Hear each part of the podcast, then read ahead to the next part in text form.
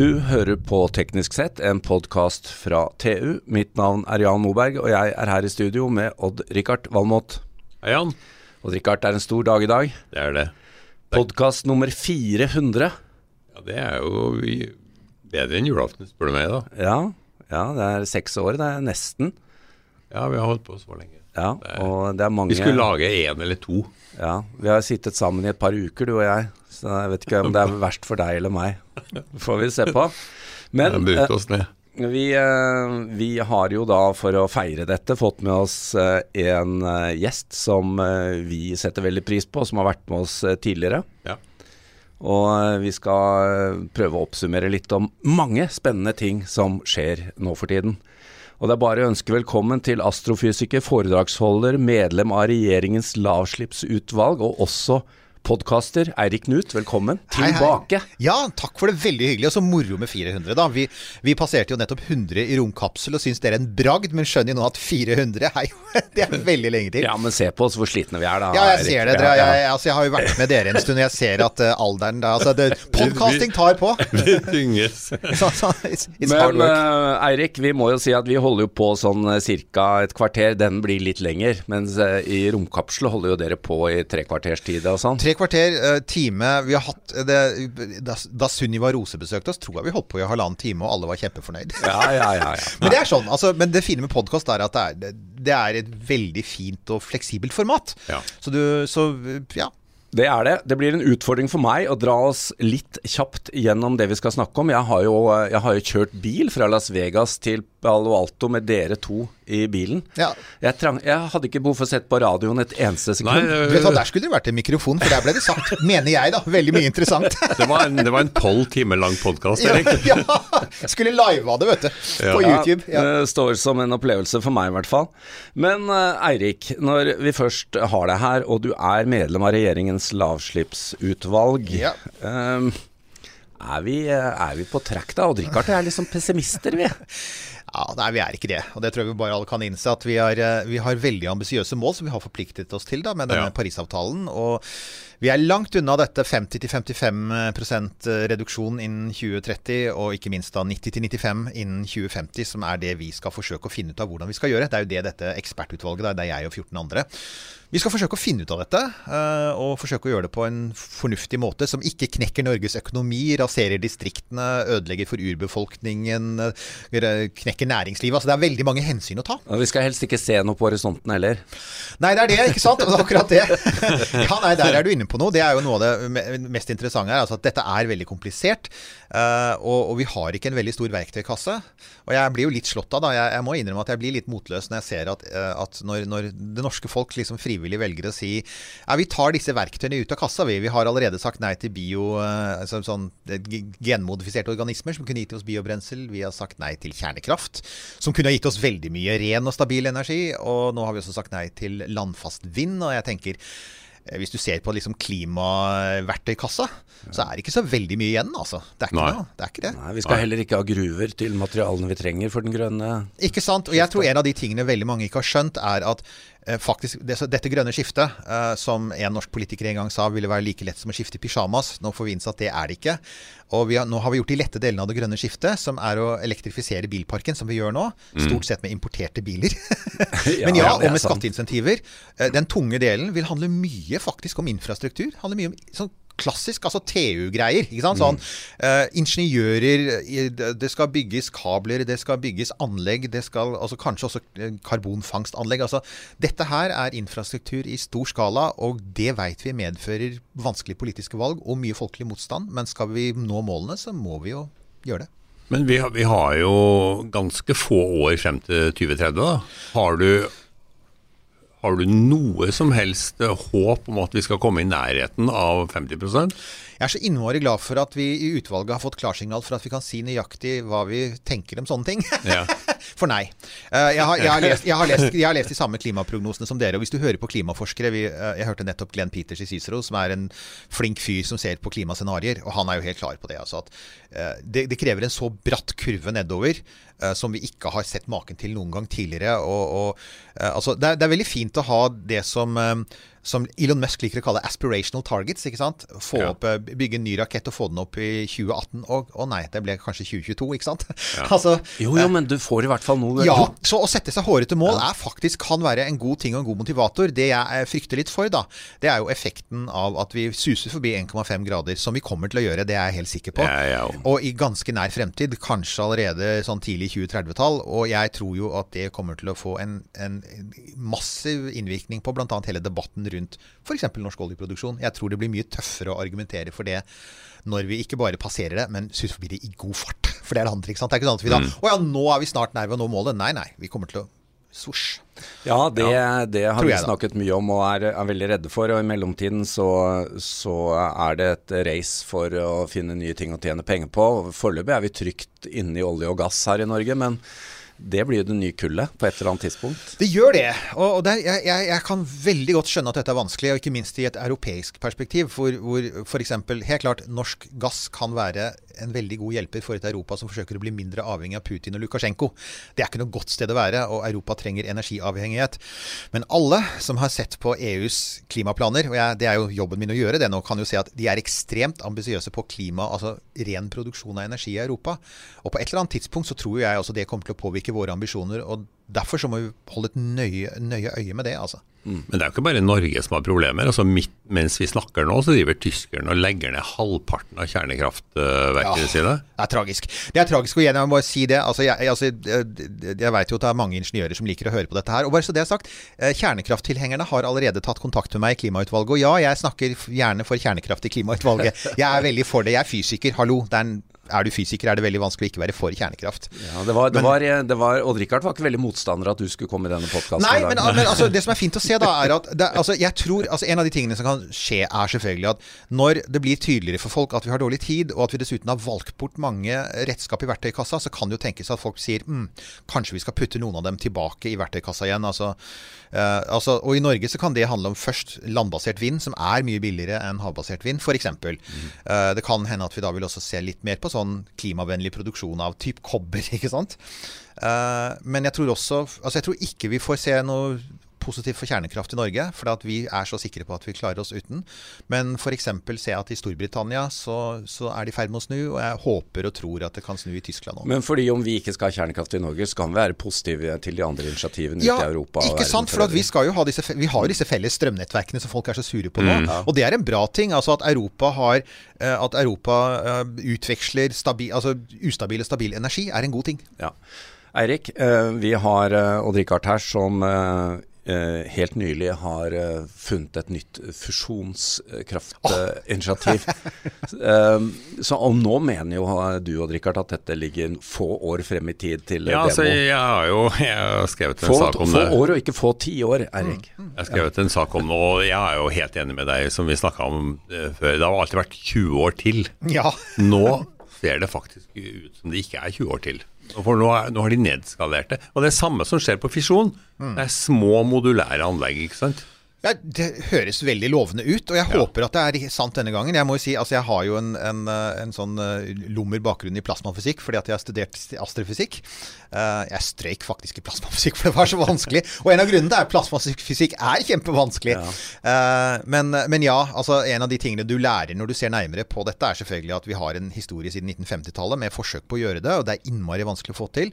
Jeg, jeg, jeg, altså jeg er sikker på at vi får det til. Ja, du kan regne deg fram til at det går. ja, ja, så det går. Så dette er et veldig godt eksempel på en sånn ting som vi vet går. ikke sant? Og det er litt som, som jeg sier, litt som sånn egentlig så, altså Selvfølgelig må det være en dag være mulig å kopiere den eh, menneskelige intelligens. Altså kunstig intelligens skal jo gå. Ja. Det er bare at det er teknologiske prosjekter som for det første er vanskelig i seg selv, og det gjelder plasmafysikk. Og så er det andre er det som da kalles for skalerbarhet. Altså Én ting er å ha en fin prototyp, det andre er å få den opp i industriell og lønnsom skala. Eh, og det ser vi jo mye av på klimafeltet, f.eks. med karbonfangst. Vi vet åssen vi skal fange karbon. Det er å få det opp i industriell og lønnsom skala.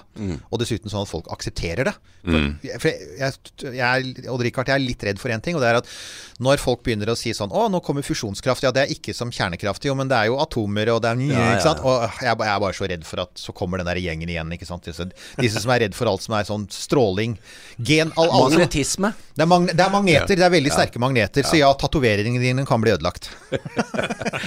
ok, dere. Vi må legge til, da, eh, når, når vi først har to så markante kjernekrafttilhengere i studio her, at vi snakker jo ikke om uh, kjernekraft fra Simpson-universet, hvor uh, sjefen Eller Sovjetunionen. ja, ikke sant. Uh, vi snakker jo om nye utviklinger som er mye tryggere. Ja da, vi gjør det. Og vi snakker jo om et område som har vært underresearcha og under, altså underinvestert i svært lang tid. Og, og, og jeg er jo først jeg har vært mest fortvila over, og det er, folk er ikke klar over det, men det er jo en kritisk mangel på kjernekraft i verdensrommet.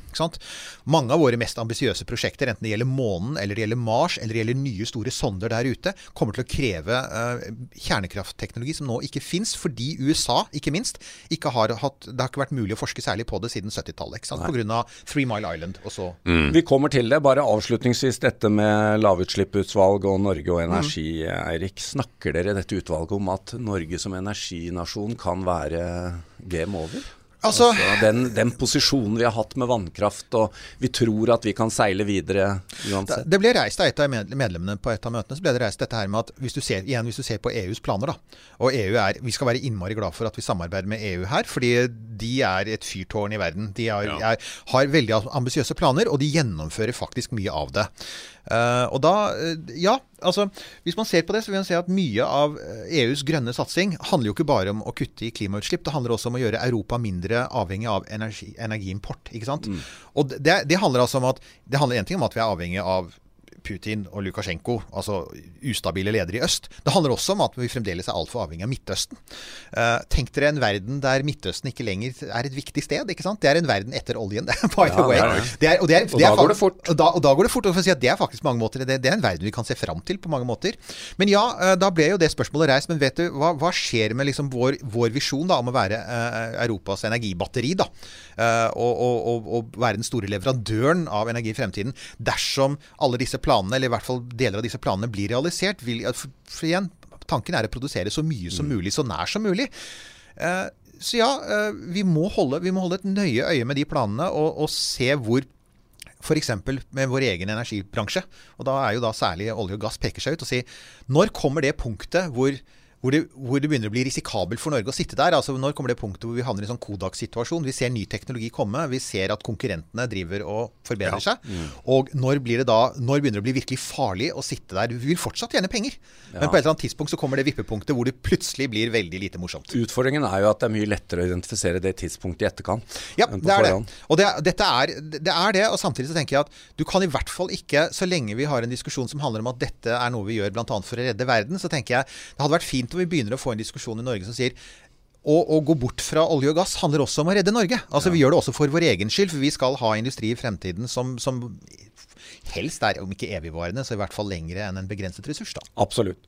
Vi skal bytte tema. Eh, vi skal inn på et, eh, begynne i hvert fall i en ende på et eh, tema som også har vart i mange tiår, aldri har blitt noe av, nemlig flyvende biler og taxier og sånne ting. Den der gamle der. ja.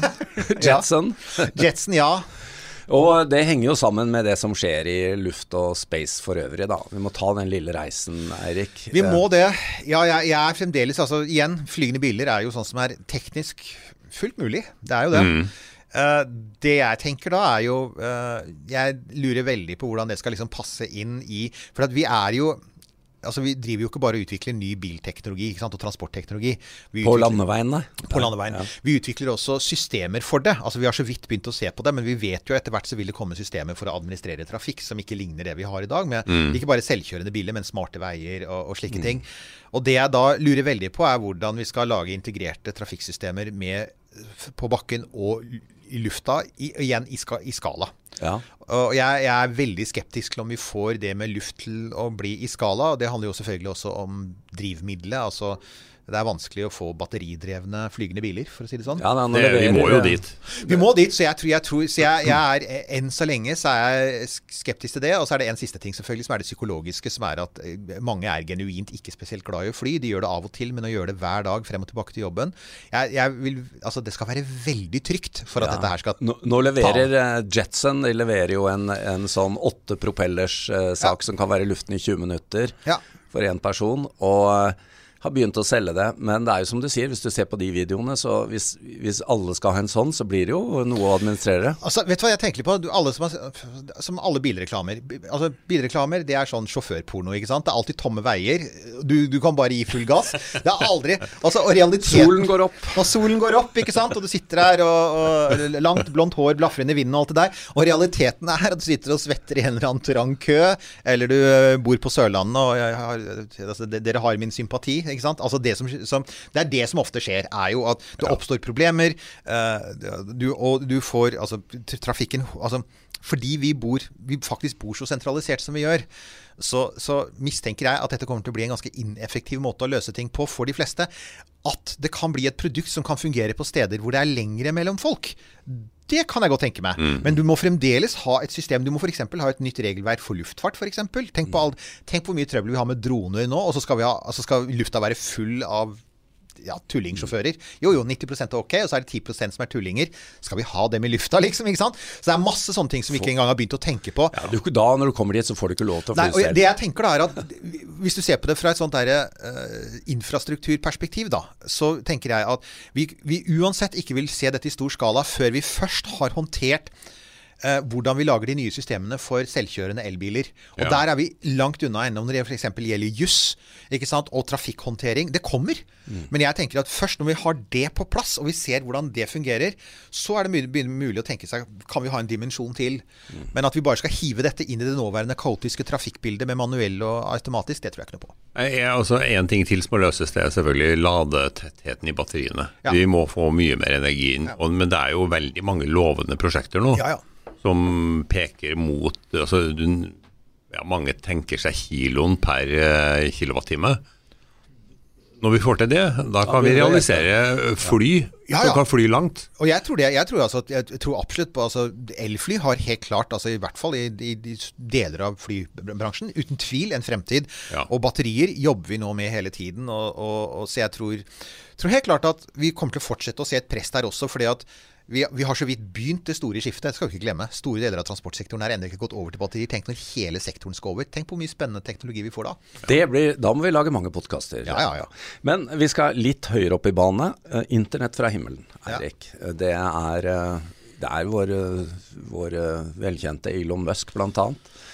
Ja. Uh, og hans reise videre ut i rommet. Hvor ligger vi der nå? Nei, altså Både han og dette andre nettverket, er det One World det heter, altså de som driver og sender opp med russiske, med, med russiske Soyuz-raketter. Det er altså Megakonstellasjoner er helt klart noe som ser ut til å være kommet for å bli. 40 000 satellitter? Ja, han sier 40 000, Uh, jeg, og jeg tror det kan skje etter hvert. Men det forutsetter jo faktisk at denne nye kjemperaketten hans blir bygd, altså um, Starship. Og det er rett og slett fordi altså Starlink, som nettverket til, eh, til SpaceX heter. Og det er rett og slett fordi at du, du må skyte opp så himla masse eh, satellitter. Eh, og den nåværende raketten de har, Falcon 9, den har en løftekapasitet på sånn 40-50 nåværende versjon 1 Starling-satellitter. Og nå kommer det en oppgradert versjon som har eh, laserkommunikasjon mellom satellitter. Og det er helt nødvendig for at dette nettverket skal funke som man ønsker seg. Ja, du kan ikke bare kommunisere ned mot jorda. Ikke sant, for at Sånn som det funker i dag, så, har du en, så, så kommuniserer eh, brukeren med en satellitt i bane så nær over som mulig, og i lav jordbane, så det er veldig kort uh, latens. Uh, og så skal den ned til nærmeste bakkestasjon. Og det vil si at du i praksis så er du avhengig av at det ikke er altfor langt unna. altså Innenfor noen hundre kilometer så skal det være en bakkestasjon som du kan snakke med. Eh, det fungerer fint på land, det er helt håpløst på sjøen og i, i Arktis, Antarktis, altså ørkenområder. Det er, det er store deler av kloden som ikke kan dekkes i dag. Og så har du da laserkommunikasjon fra Starlink til Starlink-satellitt, som gjør at eh, da trenger du ikke lenger. Da kan signalet gå fra bakken opp til en satellitt, og så kan det hoppe via laser fra satellitt til satellitt, og faktisk rundt da, om, om, du vil, halve jorda rundt. Og som da Musk påpeker, det betyr at du, du har laser i vakuum. Det mener han blir raskere enn å ha laser gjennom glass, som er gjennom fiberoptikk. Og derfor så vil du til og med spare litt tid. Så hvis man begynner å tenke på finansielle transaksjoner og slike ting, så kan det faktisk og, og det er jo ikke tull, for at det er jo det, det mange lurer på, er liksom, hvordan skal han egentlig tjene penger på det? Og jeg tror vi begynner å se konturene nå av at den der laser-til-laser-kommunikasjonen den der, der, ligger noe der. Der ligger det noen forretningsmuligheter som ikke egentlig handler om at folk skal få kunne se Netflix på den ytterste nøkne. Altså, det er noe så det blir et nett utenom internett? Ja, kanskje han er i ferd med å bygge Og dette er jo noe som kineserne og russerne gjør på bakken allerede, altså et eget ja. egen internett. At han rett og slett bygger opp sitt eget private nettverk i bane rundt jorda, og, og bruker det til å selge inn tjenester til, til ja, Perfekte James Bond-skurk? Ja, altså, det der, altså. altså må... først, det er jo et eller annet med sånn, sånn Det vi trenger det, det verden trenger nå, er en totalt monomal genial ingeniør som liker katter og har laser på satellitt. Jeg mener, hallo, Hvis ikke det er Det er en James Bond-film! så vi har jo i vår podkast så pleier vi Det hender vi introduserer Elon Musk, Elon Musk sånn So, Mr. Bond. Now you die. Nei, jeg er skeptisk til det der med at det skal gå så mye fortere. For er, når du skal gå fra satellitt til satellitt, så tar det litt tid. Det gjør det. Ja, Du må via elektronikk, og så ny laser, og så videre. Ja, jeg, jeg, kjøper ikke helt det. Han sier det. Jeg, det jeg tenker er at jeg tror ikke hastigheten er det som kommer til å være det avgjørende. Jeg tror, Men sikkerheten, og det at du faktisk kan ja, ja. hoppe over et nett, og særlig hvis du er i en situasjon hvor du har litt sånn, sånn cyberkrig ned på bakken, og mm. russerne og kineserne tar ned nettverk Altså Hvis du vil ha et sånn mission critical backup av nettverket ditt, så kan du altså skippe hele det konvensjonelle internettet og kjøpe deg en egen bakkanal oppe hos Starlink. Den tror jeg veldig på, og det er jo ikke bare sivile, men også militære som er interessert. Spennende. Det var jo sånn internett begynte. Det var jo det, ikke sant? Jeg, ja, det, ikke sant? Vi må eh, videre bare ta en, også forsøke oss på en kjapp uh, oppdatering av Elon Musk til Mars. Og uh, ja. Er det like attraktivt nå som det det var for noen år siden? Altså Jeg tror jo for så vidt at uh, Elon vil dit like mye, og folk er veldig gira på det. Men alt henger på denne herre Altså 2022 da vil jo gi oss svaret på, tror jeg, langt på vei gi oss mye av svaret på om, om Starship-prosjektet. Altså fullstendig gjenbrukbart, billig romskip, altså en jumbojet i rommet, som ingen har bygd før. Om det faktisk i det hele tatt er, er, realistisk å gjøre. Og han er jo selv veldig klar på at det er stor sjanse for at ikke det går. Ja, han har jo sagt det at dette kan gå Dette kan gå veldig godt. Det, det er superrisikabelt. Dette er det mest risikable han har gjort. Tesla var ingenting, altså sammenlignet med dette her. Så, så ja. Men om en lykkes, og til og med klarer å lage en koloni på Mars ja. Vi er jo ikke rusta for å bo i en sånn gravitasjon. Nei, vi er altså En ting er gravitasjon, og det andre er altså Og, og, og strål, strålinga. Ikke sant. Altså Strålingen vil man nok kunne håndtere ved at man er veldig mye inne. Altså, ja. Det er å bo på Mars blir som å være i, i lockdown. så velkommen ja, til Mars. Trening. Ja, sånn, ja, det glimrende trening. Uh, du er dessuten i karantene, for det er liksom seks måneder til jorda. Så, så. Men ja, nei, vi er ikke rusta i det hele tatt. og, og, og altså, jeg vet, altså, SpaceX har en måte å jobbe på som er at det er et selskap med ganske få ansatte. Jeg tror det er 5000 ansatte. Det er et ganske lite selskap som gjør veldig store ting. Og det skal sies, de har fått til enorme ting. Men ja. måten de gjør det på, er at de jobber Altså at de går fra et prosjekt til et annet. Så nå har de stort sett sluttet å jobbe på Falcon 9, fordi at Falcon 9 går av seg selv. ikke sant? Mm. Og, og det, de gjenbruker den, så derfor sparer de masse kapasitet der. Nå er kapasiteten satt inn på selve Starship. Planen er åpenbart at når når Starship er oppe og flyr, og du på en måte har løst de største problemene, så skal flest mulig av de 5000 ingeniørene ja. skal så over på neste fase. Og det blir som du sier, det blir å løse de problemene du snakker om. Og det er energi, det er matproduksjon, brennstoffproduksjon på Mars. Vi vet, Alt dette vet vi hvordan vi skal gjøre i teorien. Og det fins noen prototyper, men vi er veldig langt unna fungerende enheter på Mars. og det er derfor jeg sier at det er ikke egentlig raketten som hindrer Elon, Elon Musk å lande folk på Mars i sånn type 2028, da, som han har snakket om. Men det er alt det du trenger å ta med deg, som ennå ikke er påbegynt engang. F.eks. en romdrakt for Mars. ikke sant? Mm. Spennende. Uh, før vi er på vei ned igjen fra, fra Mars, uh, hva er oppdateringen på romsøppel? Uh, russerne har jo ødelagt litt der i det siste. Ja, det er, det er veldig interessant du sier det. For det, det, er en ting som særlig i løpet av 2021, og det var før russerne, husker de den store kinesiske klumpen? Det stemmer. Ja. ja og, og, den typen uansvarlig atferd, nå skal det sies at den har jo amerikanerne og sovjeterne, de gjorde dette i i gamle dager òg. Altså, så amerikanerne ja, ja. også hatt antisatellittvåpen, og så har de skjerpa seg. Det russerne gjorde, var dypt uansvarlig og egentlig ganske ubegripelig, for at de også rammer deres egne satellitter ja. og den internasjonale romstasjonen. Men det foregår mye rart i Russland for tida, så man lurer jo litt på hva som skjer der. Det var helt klart en del av et politisk spill, for det var jo ikke akkurat Igjen, teknologien er jo kjent. Men romsøppel generelt da, er et økende problem. Og en av de tingene som har dukket opp i 2021, er at flere og flere aktører i rombransjen sier at vi, vi trenger nå eh, ikke bare bedre oversikt over hva som er eh, av romsøppel i bane, og jeg leste senest i går, om det var hos dere eller et annet sted, at amerikanerne nettopp- skrudd på en ny radar i Alaska, som både er en antiballistisk radar, men som også kan se objekter ned til hva er det, en baseball, som er altså noen få centimeter i diameter, i lav jordbane. Så det er, vi, i løpet av, forhåpentligvis i løpet av noen år, så har vi mye bedre oversikt over hva som er der oppe. Og så må vi få på plass et regelverk for dette, for det er uregulert, ikke sant. Det er jo det. Altså, det er de enkelte landene som bestemmer hvem som får lov til å skyte opp satellitter. så Elon Musk eksempel, må søke FAA i USA om tillatelse, men ingen andre. Altså, han bør ikke søke norske myndigheter, selv om de passerer over norsk territorium.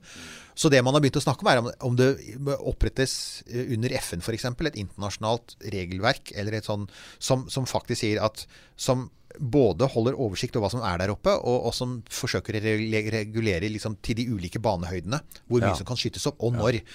Fordi noen aktører, eh, sånn som Rocket Lab, newzealandske Rocket Lab, har vært ute og sagt at vi sliter allerede med at vi er usikre på om vi kan sende opp til de banene kundene våre vil ha. For vi vet ikke helt hva som går der. Nei. Og man har allerede begynt å prøve å sanke inn ting og Ja, ESA annet. Og det må vi si, for vi må ikke glemme ESA. De gjør veldig mye spennende, og ESA har et prosjekt på gang, og det skal vel, eh, det skal vel oppnå er det, er det, det, om ikke så veldig lenge.